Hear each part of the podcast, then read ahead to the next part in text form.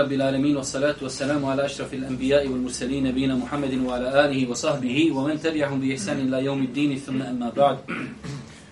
Tu se svaka zahvala pripada našim gospodaru, Allahu subhanu wa ta'ala, salavat, mir i selam na Allahu poslanika, Allahu minenika, Muhammeda alihi salatu wa salam, njegovu časnu porodcu, njegovu uzvrte asabe sve ljude koji slijede put istine sudnjega dana.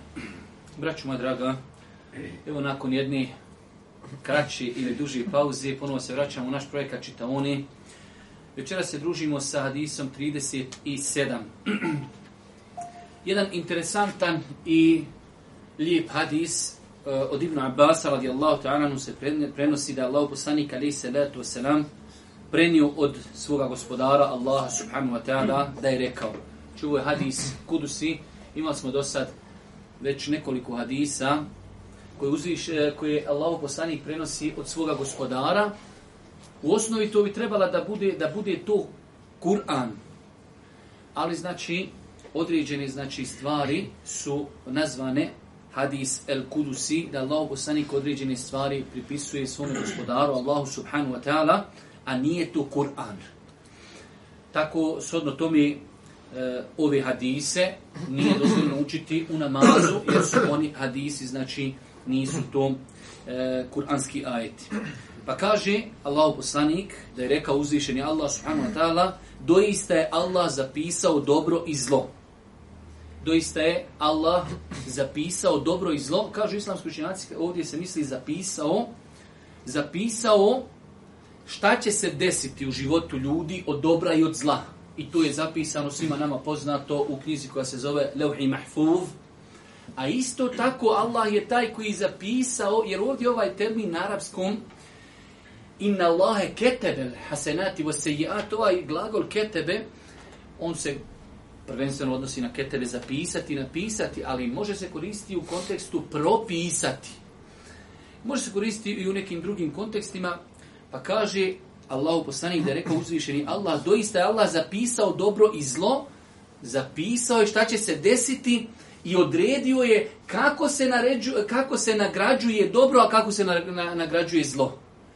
Pa kaže Allahu poslanik ali se ratu i on je to i pojasnio, objasnio. Ko naumi da uradi dobro djelo, pa ga ne uradi, Allah mu kod sebe upiše potpuno dobro djelo. Allahu ekber, ovaj hadis je inače, vidjet ćete večeras, jedna velika blagodat uzvišnog Allaha subhanahu wa ta'ala prema ovom ummetu. Kaže Allah, Allahu poslanik, da je rekao uzvišeni Allah, ko naumi da uradi dobro djelo, pa ga ne uradi, pa ga ne uradi, Allah mu, pro, upiše dobro djelo. Ovdje kažu islamski učenjaci da se misli na situaciju kada čovjek zaista odluči da uradi dobro djelo i nešto ga spriječi. Ne ono samo, znate, neka čovjek razmišlja, mogu sam uraditi neko dobro djelo i to samo proleti kroz mozak i ništa. Ne. Primjer radi vidio si pred svojom zgradom siromaha, traži novac, prosi. I ti nemaš novac, kaj idem u kuću da uzmem novac, da bi dao. Ti odeš dok ti dođeš, njega nema. Tebi se upisuje dobro djelo. Jer si ti poduzeo sve da to uradiš, ali nisi uradio. Pa prvenstveno se znači ovaj hadis odnosi, ali opet je to velika stvar. Ti si otišao u kuću, vratio se novčanik i kidanje, pun novca, a tebi upisano da si uradio dobro djelo.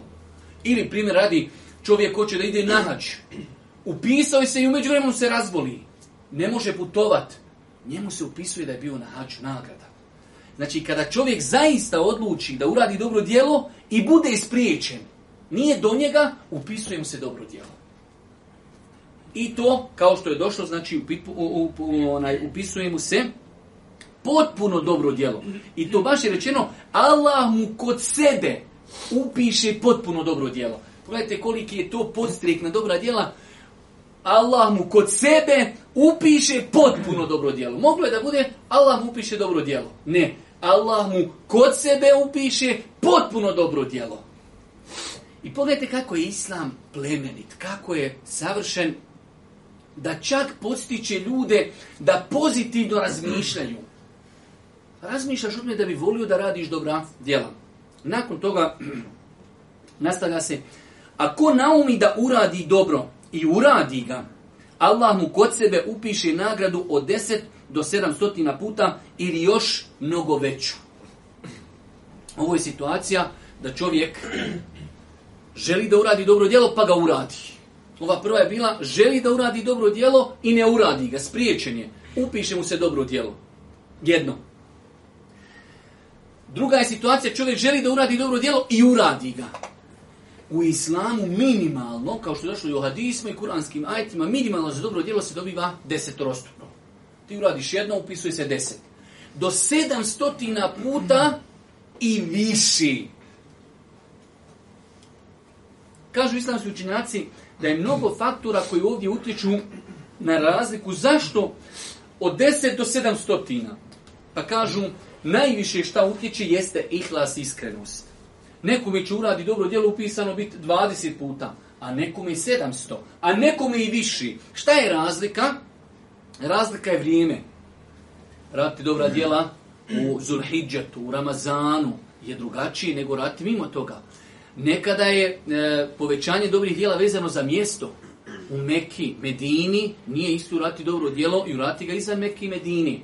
Nekada je djelo vezano za pojedinca. A nekada je opet vezano, znači, za ihlas i to je najveći parametar zbog čega se razlikuju razlikuju deređe učinjenja dobrih dijela. Pa onaj ko radi dobro djelo, minimalno će mu biti upisano desetorostruko. Do sedamstotina puta ti dadniš marku, možete biti kod Allaha upisano sedamsto maraka i više. Pa kaže, nastavlja Allahu poslanik alaihi salatu wasalam, pripisujući ove riječi uzvišenom Allahu, znači nakon što smo riješili dobra djela, imamo dobra djela da smo htjeli da ju uradimo, pa i ne uradimo, spriječeni smo, imamo dobri, imamo seba. Želimo da uradimo dobro djelo, pa ga uradimo desetorostruko do sedamstotina puta ili više. Idemo na drugu verziju. Ko naumi da uradi loše djelo, pa ga ne uradi, Allah mu kod sebe upiše potpuno dobro djelo. Allahu ekber. Čovjek naumio da uradi dobro djelo i ne uradi ga. Dobro, mi dunjalučki, kako ga mi tolerisali? Motorno pustinu i sinuli paša. Ti si nešto loše urat, nisi uradio, alhamdulillah, šuti, sjedi, džesi, tu si, dobar si. Nemaš nikakve kazni. E ovdje ima jedna klauzula. Nije spomenuto u ovom hadisu, ali je spomenuto u drugim predajama, a to je ko ostavi taj grijeh radi Allaha. Morat ćemo na primjeru pojasniti. Čovjek, ne daj Bože, odluči da uradi neki grijeh i na putu da uradi taj grijeh, kažemo na putu, u toku činjenja toga, sjeti se kazni, sjeti se nekog dersa, kuranskog ajeta, sjeti se nečega i ostavi to. Ima zato seba. Ali kada bi se desilo da on poduzme faktore da uradi grijeh, ali ne može. Primjera radi, čovjek odluči idem da, ne daj Bože, obijem banku.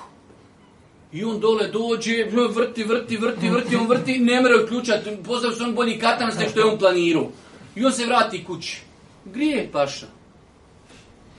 Znači, kaže, elhamdule, ne obi banku, elhamdulillah, dobra je selam zaradi. Ne, ne, paša, Kaj to ima hadis u Buhari. Hadis je u Buhari. Ko tjedni uradi me uradio, ali nisam, alhamdulillah, uradio. Ali si paša poduzeo sve. Na osnovu čega ova klauzula ide? Na osnovu onog hadisa koji također u dostan kaže Boži poslanik ali salatu wasalam, kada se sretnu dva muslimana sa sabljama. Kaže, ovo dvojica će u Kažu sablja, sabi Allah, dobro ubica, znamo što će ubica, ubio čovjek, ali što ubijeni? Kaže, i on je poduzeo sve da ubije svog brata muslimana, ovaj je bio samo vješti. Hoće da kaže Boži poslanik onog momenta kada ti poduzmeš sve, to se broji da si uradio to tijelo. Pa ovaj čovjek koji je htio da uradi grijeh, ali mu se iz datog momenta nije posrećilo da uradi, na njega se ne odnosi ovaj Odnosi se na čovjek jer je došao u vjerodostojnom hadisu klauzula ko ostavi taj grijeh radi Allaha. Ali opet blagodat. Opet Allaha mi je blagodat. Čovjek tjedne da uradi grijeh i sjeti se Allaha, sjeti se njegove kazne, sjeti se hadisa, sjeti se ajeta, sjeti se sudnjih dana i to stani. Zato ima seba. I treća verzija kaže, odnosno četvrta kaže Allahu poslanik pripisujući ovi riječi Allahu, Ako naumi da uradi loše djelo i uradi ga, Allah mu upiše samo jedno loše djelo. Pogledajte kad, piš, kad se govori o lošem djelu, kaže upiše jedno. Nije rekao upiše kod sebe, niti upiše potpuno. Sve kako bi se to što više umanjilo. Uradiš grije, samo jedan grijeh. Uradiš dobro djelo, desetorostruko do sedamstotina. Pa pogledajte Allahove milosti prema ummetu. Kad su u pitanju grijesi, ostaviš grijeh seva. Uradiš grijeh, samo se jedan piši. Dobro djelo, imaš namjeru da ga uradiš i ne uradiš ga, ali potrudio si se, imaš sevap. Uradiš ga desetorostruko do sedamstotina puta. Pa je ovo jedan, jedan veliki, veliki hadis koji svakako koji svakako čovjeku muslimanu e, je satisfakcija da čovjek nastavi, da se trudi kada vidi kako uzvišeni Allah subhanahu wa ta'ala se opodi prema svojim robovima. E, možemo ovdje pročitati e, vrijednost ovoga hadisa, ali nam pročitaj, znači ovaj hadis svakako bilježi imam Buharija i Muslim, tako da je hadis 100% vjerodostojan. E, pročitaj nam ovdje riječi Ibn Battal. Ibn Battal, rahmehullah ta'ala, rekao je U ovom hadisu je pojašnjenje ogromne Allahove dobrote prema ovome umetu. Da nije tako neizmjerno velika, skoro da niko i ne bi ušao u dženet, jer je, jer je loših dijela ljudskih mnogo više od dobrih. Znači, pa je ovo jedan vid pomoći od uzvišenog Allaha subhanahu njegovim robovima da zaradi dženet. Jer je insan takav slab, ima više grijeha nego dobrih dijela. Pa mu onda ni Allah kao da mu pomaže, evo mi ćemo te za dobra dijela puno nagrađivati, za loša samo onoliko koliko si učinio, da to čovjeku olakša da zasluži džennet. E, dalje. Fešeni rahmeullahu ta'ala rekao je, ovaj hadis je veličanstven hadis. Govori nam o, o Allahovoj dobroti i milostivosti prema svojim robovima. On je plemeniti gospodar, uvećava dobra djela mimo loših. Dobro. E, pročitaj nam kratko komentar hadisa da prešli na, na, na, na ovi koristi. Komentar hadisa. U ovom, u ovom hadisu kuciju nalazi se velika radosna vijest za vjernika koja ga postiče na nevjerovatno veliku nadu, Allahu, dobrotu i milost koja sve obuhvata. Ovaj hadis potiče vjernika da neprestano čini dobra djela u svjesnost da ga svevišnji nadgleda, da se nalazi u njegovoj vlasti i moći i pod njegovom pravdom i blagosti. Mhm. Vjerovjesnik sallallahu alejhi ve sellem u ovom veličanstvenom hadisu pojašnjava veličinu Allahove dobrote prema ljudima, pa kaže da samo želju i namjeru da se učini dobro djelo uzvišeni Allah piše kao to potpuno djelo. A ako ga još i učini, onda mu većava to djelo od 10 do 700 puta pa i više dok namjeru da se učini loše djelo ukoliko se od nje odustane radi Allaha, on uzvišeni piše kao dobro potpuno djelo, a ako tu namjeru za lošim djelom čovjek isprovede u djelo, tada mu uzvišeni Allah ne umnogostručuje to loše djelo kao što to čini s dobrim djelima znači mu samo piše jedno loše djelo. Inače, vraću vam rada, znači mi smo dosta puta o tome govorili, taj nijet je čudo. Taj nijet u ljudskom srcu koji se nalazi je čudo. Imate vjerodostojan hadis kod imama Buhari da kaže i da merida l'abdu au safira kutibe lehu ma kane ja'melu muqimen sahiha kada čovjek se kaže razboli ili odputuje Allah naređuje da mu pišu sve od dobrih dijela što je radio kada je bio zdrav i kada je bio kući. I znate kada je čovjek bolestan, definitivno ne može ibaditi, kako ibaditi kada je bio zdrav. Čovjek u bolnici možda ne može postiti, pitanje može li na filu klanjati, može li učiti Kur'an, bolestan je ali možda prije toga imao dnevno svoju neki vird i obavezu šta će učiti, koliko će klanjati. Kada se razboli, toliko mu se isto upisuje. Zbog čega? Zbog namjeri. Allah Đeršanu zna njegovu namjeru da je on zdravom bi i dalje to radio. Isto tako kada je čovjek na putu, teško da može i badetiti onoliko koliko može kod kući. Na putu jednostavno, makar to i danas bilo u autu ili avionu, ali ne može isto kao kod kući jednostavno putovanje pomjeri čovjeka. Danas da letiš avionom, iz aviona u avion, pasoš, karta, pregled, dok kod kuće kad si imaš svoj neki, eh, da kažemo, raspored, kad i baditiš. Pa kaže Allah poslanik, kada se čovjek razboli ili otputuje, naređuje se da mu se zapisuje od dobrih djela ono što je radio dok je bio zdrav i dok je bio kod kući. U drugom vjerodostojnom hadisu stoji da je Boži poslanik rekao ko zanoći. E to je ovaj sada konkretno hadis u praksi. Ko zanoći u namjeri da će ustati na noćni namaz i prespava, njemu se, kaže, upisuje noćni namaz. Ukoliko je došlo vjerodostojnih hadisa, da kaže čovjek će zaslužiti nagradu šehida, a umri na svojoj postelji.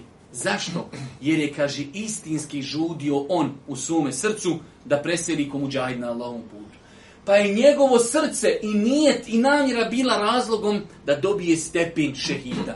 Znate onaj poznati hadis, Dunjalu pripada jednom od četvorice, pa onaj koji je imao metak, imao znanje, pa to dijelio na Allahom putu, drugi čovjek koji imao samo znanje, ali nije imao metak. Pa kaže, ja kada bi imao, ja bi dijelio kao ovaj, pa kaže Allah poslanik, mi dvojica su isti u nagradi. Jer kaže, ja kad bi imao, to je namjera, to je nijet, ja kad bi imao, ja bi dijelio kao ovaj. Pa je namjera znači u islamu mnogo bitna. To je ono što sam vam rekao na početku, kako je islam pozitivan, koliko postiče čovjeka da pozitivno razmišlja. Raz kada čovjek sada sjedi i kaže, kad bi ja imao para, ja bi bio glavni diler, ja bi bio glavni mafijaš, ja bi bio... Pazi šta ako mu se to ispuni, on će biti to. U većini slučaja što čovjek mašta i sanja, to, to tamo ide. A raz kada čovjek sjedi, makar i nema razmišlja, ja bi dijelio, ja pravio, radio bi hajr, ja Kako Islam postiče čovjeka na pozitivno razmišljanje? Dobro, da vidimo poruke hadisa. Ovo je jedan od hadisa kuci, hadis kuci je hadis kojeg Allahu poslanik sallallahu alejhi ve sellem prenosi od svog uzvišenog gospodara. Dobro, to su pojasnili. Jedan od najboljih načina odgajanja je način poticanja i zastrašivanja iz čega smo to ovdje zaključili iz ovoga hadisa, da je Boži poslanik pojasnio prvo dobra djela, pa loša. Imate na koliko mjesta u Kur'anu Allah Žešanu ili u istom ajetu ili ajet za ajetom. bi ibadi enni enel gafurur rahim. Obavijesti moje robove da sam ja milostiv i da praštam. I odma drugi ajet, odma. Ali da je moja kazna žestoka kazna. Pa i ovo, Boži poslanik pojašnjava Ko namjerava uraditi dobro djelo? Ko uradi dobro djelo? Aha, ko namjerava uraditi loše djelo?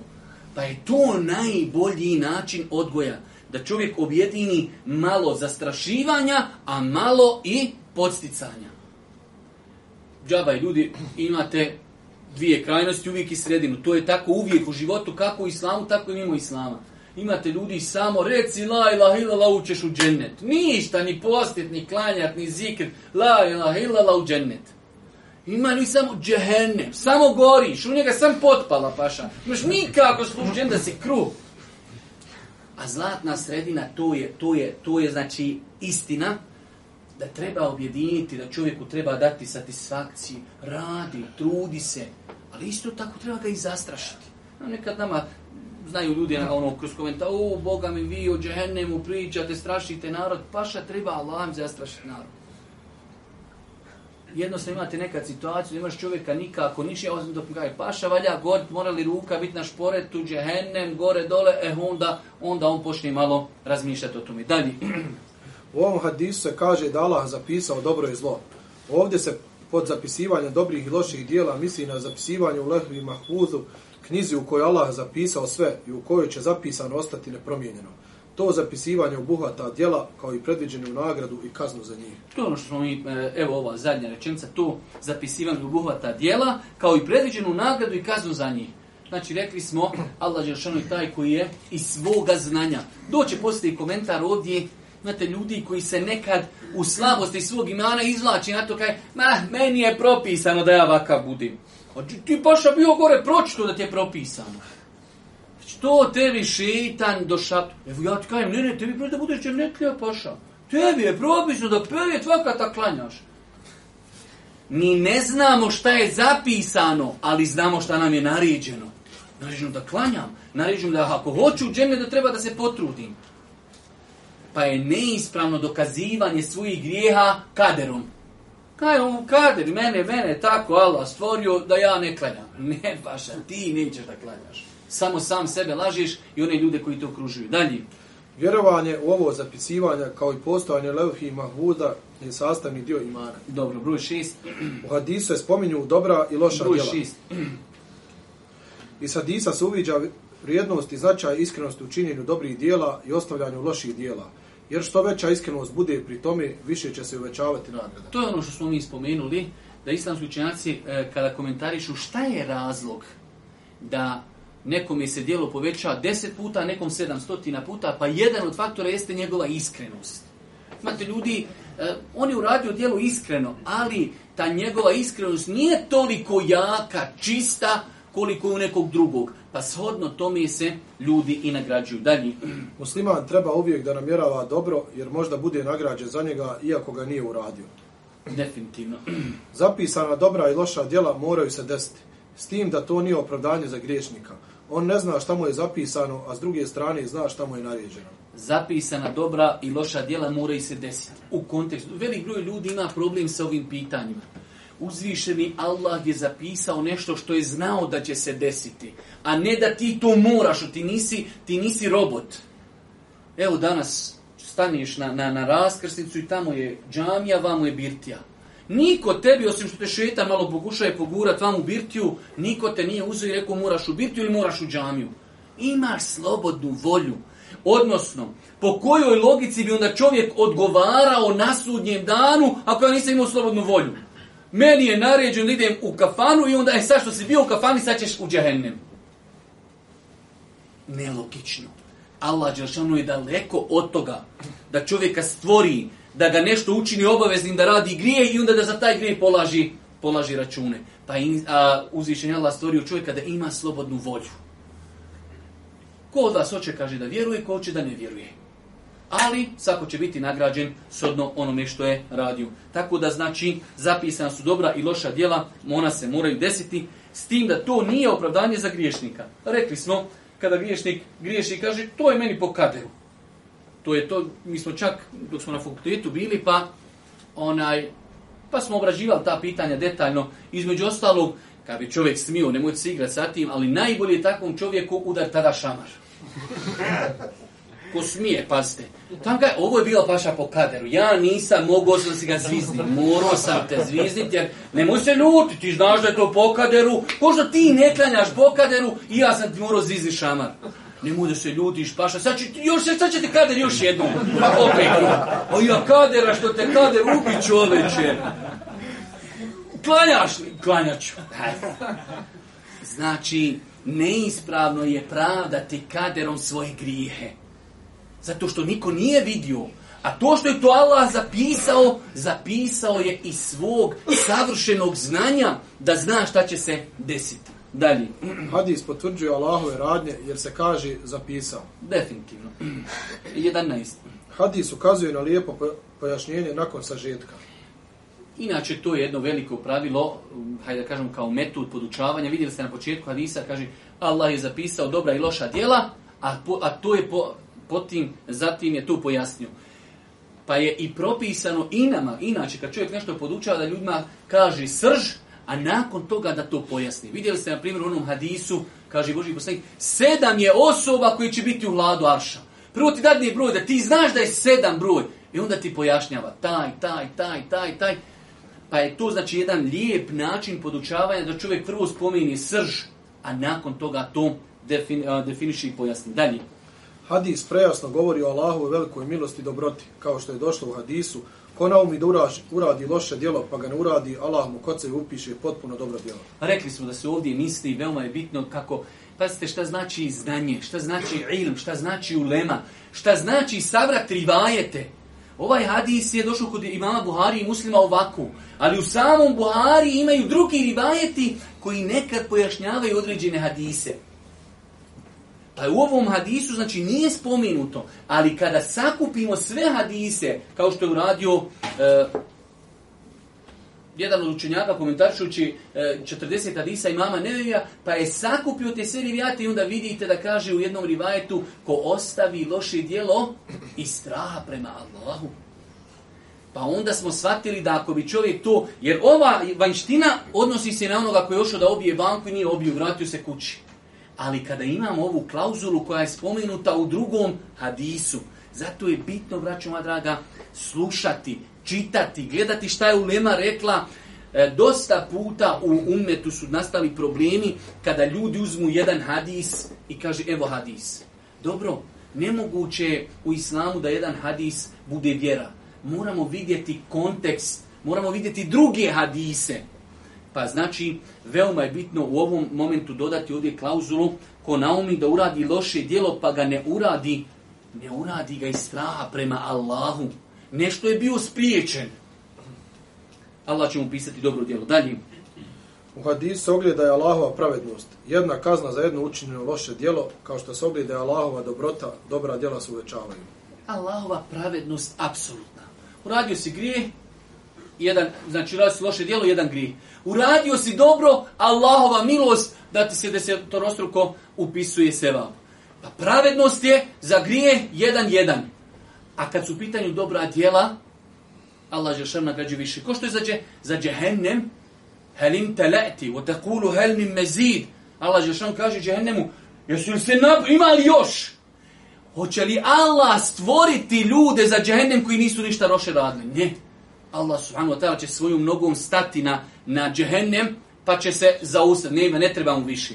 Za džennet, kada u džennet ostane u prostora, za džennet će stvoriti ljude koji ni... Evo. Pa kad je u pitanju za džennet, hajde! Ovi koji nisu ništa radili bujrum. Ali u džehennem niko neće otići bez Pa je Allahova pravednost, znači pravda apsolutna. Uradio si loše, jedan samo grije.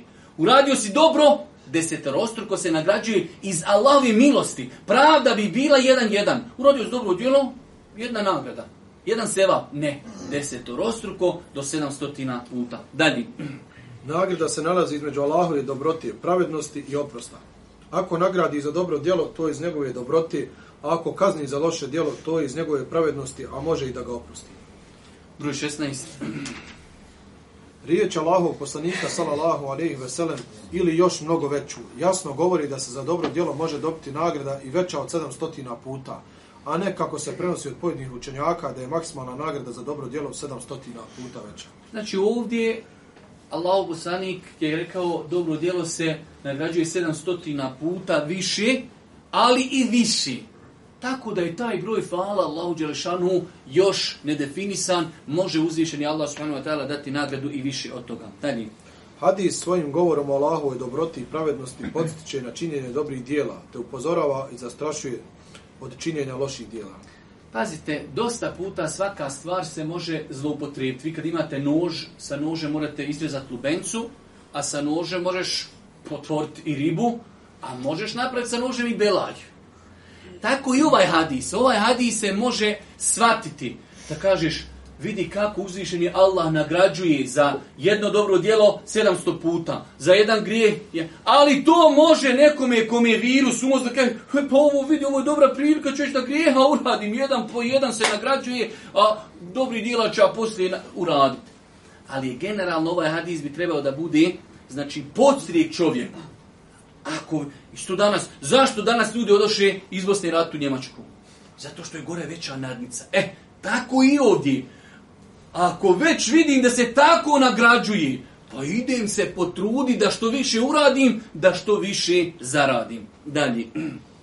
Hadis jasno ukazuje da Allahova milost ispred njegove srđbe. Allahova milost ispred njegove srđbe, rekli smo, znači, grije se jedan za jedan, a se vapi njegova milost je mnogo veća.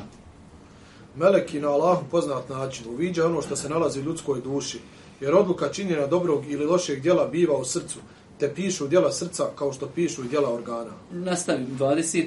Pojedini učenjaci kažu da Allah otkrije melekima šta se nalazi u srcu vjernika, dok drugi kažu da kada osoba naumi da uradi loše djelo, melek od te namjere osjeti neugodan miris, dok kada naumi da učini dobro djelo, melek osjeti lijep miris. Ne znam se da razumijeli o čemu se ovdje radi, Znači ovdje je došlo u hadisu menheme. ko pomisli da uradi loše. Pa mu to meleki zapisuju, pa dolazimo do jedne nejasnoće kako meleki zapišu nešto što ti nisi progovorio. Pa postoji znači razno razna neka tumačenja, Allah najbolje zna, najbolje te stvari, inače imate u šerijetu mnogo toga što nije pojašnjeno. Najbolje tako prihvatiti. Vi imate, e, imate na primjer, odlazak na, na Bajram, da se ode sunete jednim putem, vrati se drugim putem. Ulema o tome govori zašto. Ali nigdje nije nekom pojašnjeno zašto. Tako i ovdje. Nama je jasno da je hadis u Buhari i muslimu da je zabilježeno da meleki zapišu kada čovjek ima namjeru da uradi loše djelo. Kako to meleki saznaju? Allah što najbolje zna. Ne treba se time umaramo, inače čovjek znači kada dođe u ovakve situacije može pročitati šta je ulema pokušala, rekla da dokući način, ali pošto to nije potvrđeno hadisima, nije potvrđeno ajetima, to je za nas gajb, mi to ne možemo shvatiti. Ne možemo znati.